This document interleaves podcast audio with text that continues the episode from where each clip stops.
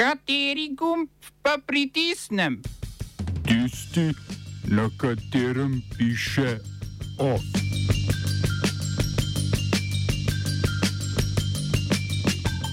Za Slovenijo in pol zemlje revnim kmetom v Kolumbiji. Evropske ladje za libijsko obalno stražo. Tretji stavkovni dan proti francoski pokojninski reformi. Golob za notranjega ministra izbral Boštjana Poklukarja.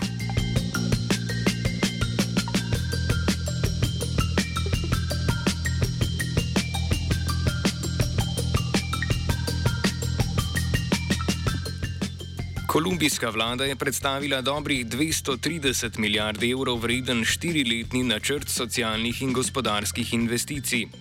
Cilj načrta je zmanjšanje števila prebivalcev živečih v skrajni revščini pod 10 odstotkov. To bi dosegli predvsem z razdelitvijo skoraj 3 milijonov hektarjev zemlje revnejšim kmetom. Gre za Slovenijo in pol zemlje. Po pojasnilu na spletni strani kmetijskega ministrstva namerava vlada zemljo vzeti tistim, ki so jo pridobili ilegalno. Evropska komisija je libijski obalni straži izročila prvega od petih novih patruljnih čovnov, s katerimi bo straža beguncem preprečevala prehod Sredozemskega morja. Evropska unija je pošiljko označila za ukrep, ki bo reševal življenja, kljub temu, da beguncem ob vrnitvi v Libijo grozijo preganjanje, mučenje ali suženstvo. Sredstva za čovne je Unija dobila iz proračuna za upravljanje meja, ki je del kriznega sklada Evropske unije za Afriko.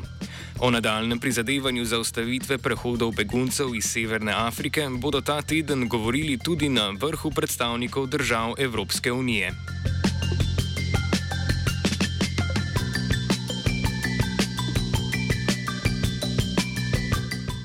V Franciji poteka tretji stavkovni dan proti predlagani pokojninski reformi. Zaradi stavke v dveh jedrskih in več termoelektrarnah se je oskrba z električno energijo znižala za 4 odstotke. Medtem francoska narodna skupščina razpravlja o pokojninski reformi, za katero poskuša predsednik Emmanuel Macron pridobiti podporo predvsem od republikancev, saj vladajoča koalicija nima večine. Osrednji del reforme predvideva zvišanje upokojitvene starosti za dve leti.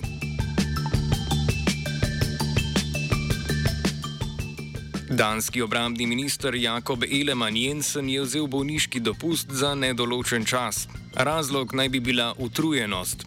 Bolniško je minister vzel po protestih proti ukinitvi dela prostega dne z namenom financiranja obrambnega proračuna. Prek 50 tisoč dancev je šlo na ulice, ker je vlada napovedala ukinitev krščanskega praznika in dela prostega dne, uvedenega leta 1686. Praznik dneva velike molitve, ki pade na četrti petek po veliki noči, je bil uveden prav z razlogom oklestenja števila manjših verskih praznikov, ki so od tedaj vsi združeni na isti dan.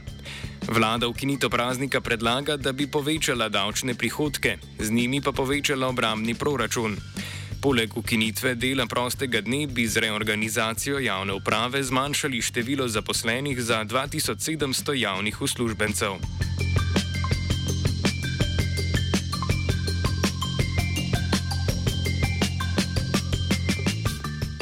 Kosovski predsednik vlade Albin Kurti in srpski predsednik Aleksandar Vučić sta se ločeno sestala s posebnim odposlancem Evropske unije za dialog med Beogradom in Prištino, Miroslavom Lajčakom.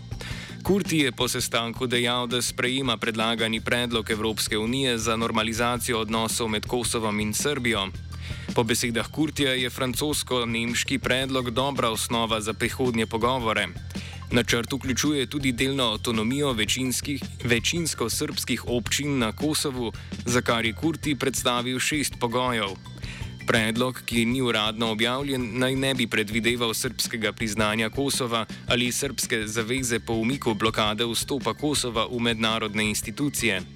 Srpski predsednik Aleksandar Vučić je srečanje z Lajčakom ocenil kot dobro in odprto, kasneje pa je zatrdil, da lahko o priznanju Kosova samo sanjajo. Vučić je na ponedeljkovi seji vrha Srpske napredne stranke tudi napovedal možnost predčasnih parlamentarnih volitev, ki bi bile že septembra. Kot je dejal, se je pripravljen znova potegovati za premijsko funkcijo, ki jo je pred prevzemom predsedniške že opravljal. Za predčasne volitve je zdaj kriva kar socialistična stranka Srbije, ki se je kljub temu, da je del vladajoče koalicije, po mnenju Vučiča, začela podrejati opoziciji. Smo se osamosvojili, nismo se pa osvobodili. Naslednje štiri leta še 500 projektov.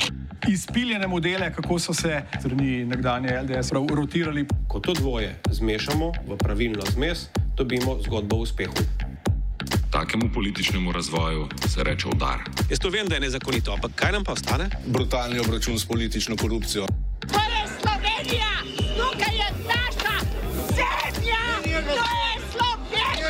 Slovenija, Slovenija. Premijer Robert Golop je državnemu zboru za notranjega ministra predlagal Boštjana Poklukarja.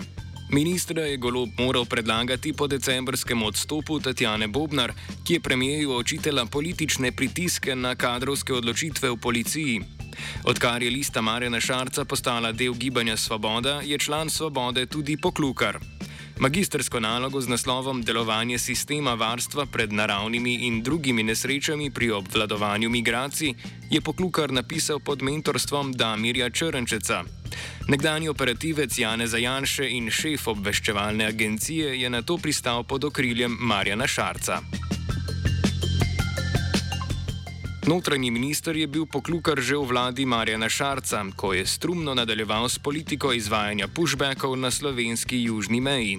To je povedal tudi sam ob, obi ob obisku Ilirske bistrice julija 2019. Policija intenzivno preprečuje ilegalne prehode in jih tudi uspešno vrača. Več kot uh, polovico se uh, jih vrne v Republiko Hrvaško. Uh, mi z različnimi ukrepi, uh, tudi od mojega zadnjega obiska tukaj, uh, povečujemo število tako policistov, ki so uh, v vidnem polju in pa bom rekel tudi v tem nevidnem polju delovanja. Uh, nekako ukrepimo tudi sodelovanje slovenske vojske in to je bila ne nazadnje tudi uh, prošnja uh, lokalne skupnosti tukaj na Ljubljsko-Bistriškem, da bi povečali uh, še del slovenske vojske na tem območju. Uh, je pa res, da je policija pri, pri prijetju ilegalnih migrantov uspešna in da jih tudi vračamo na Hrvaško.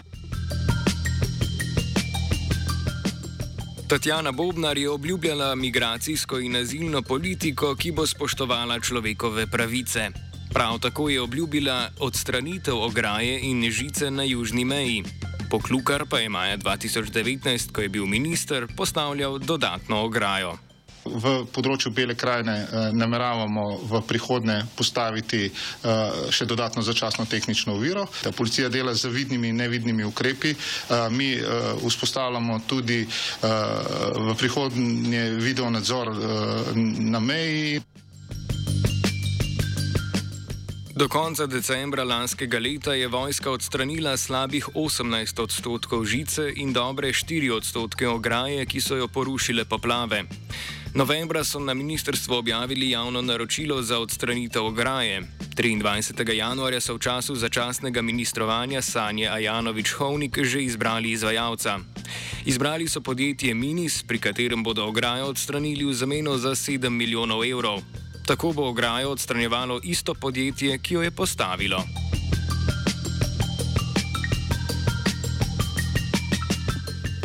Ljubljanski župan Zoran Jankovič se je odzval na zastrupitev delavcev na gradbišču centra Rog.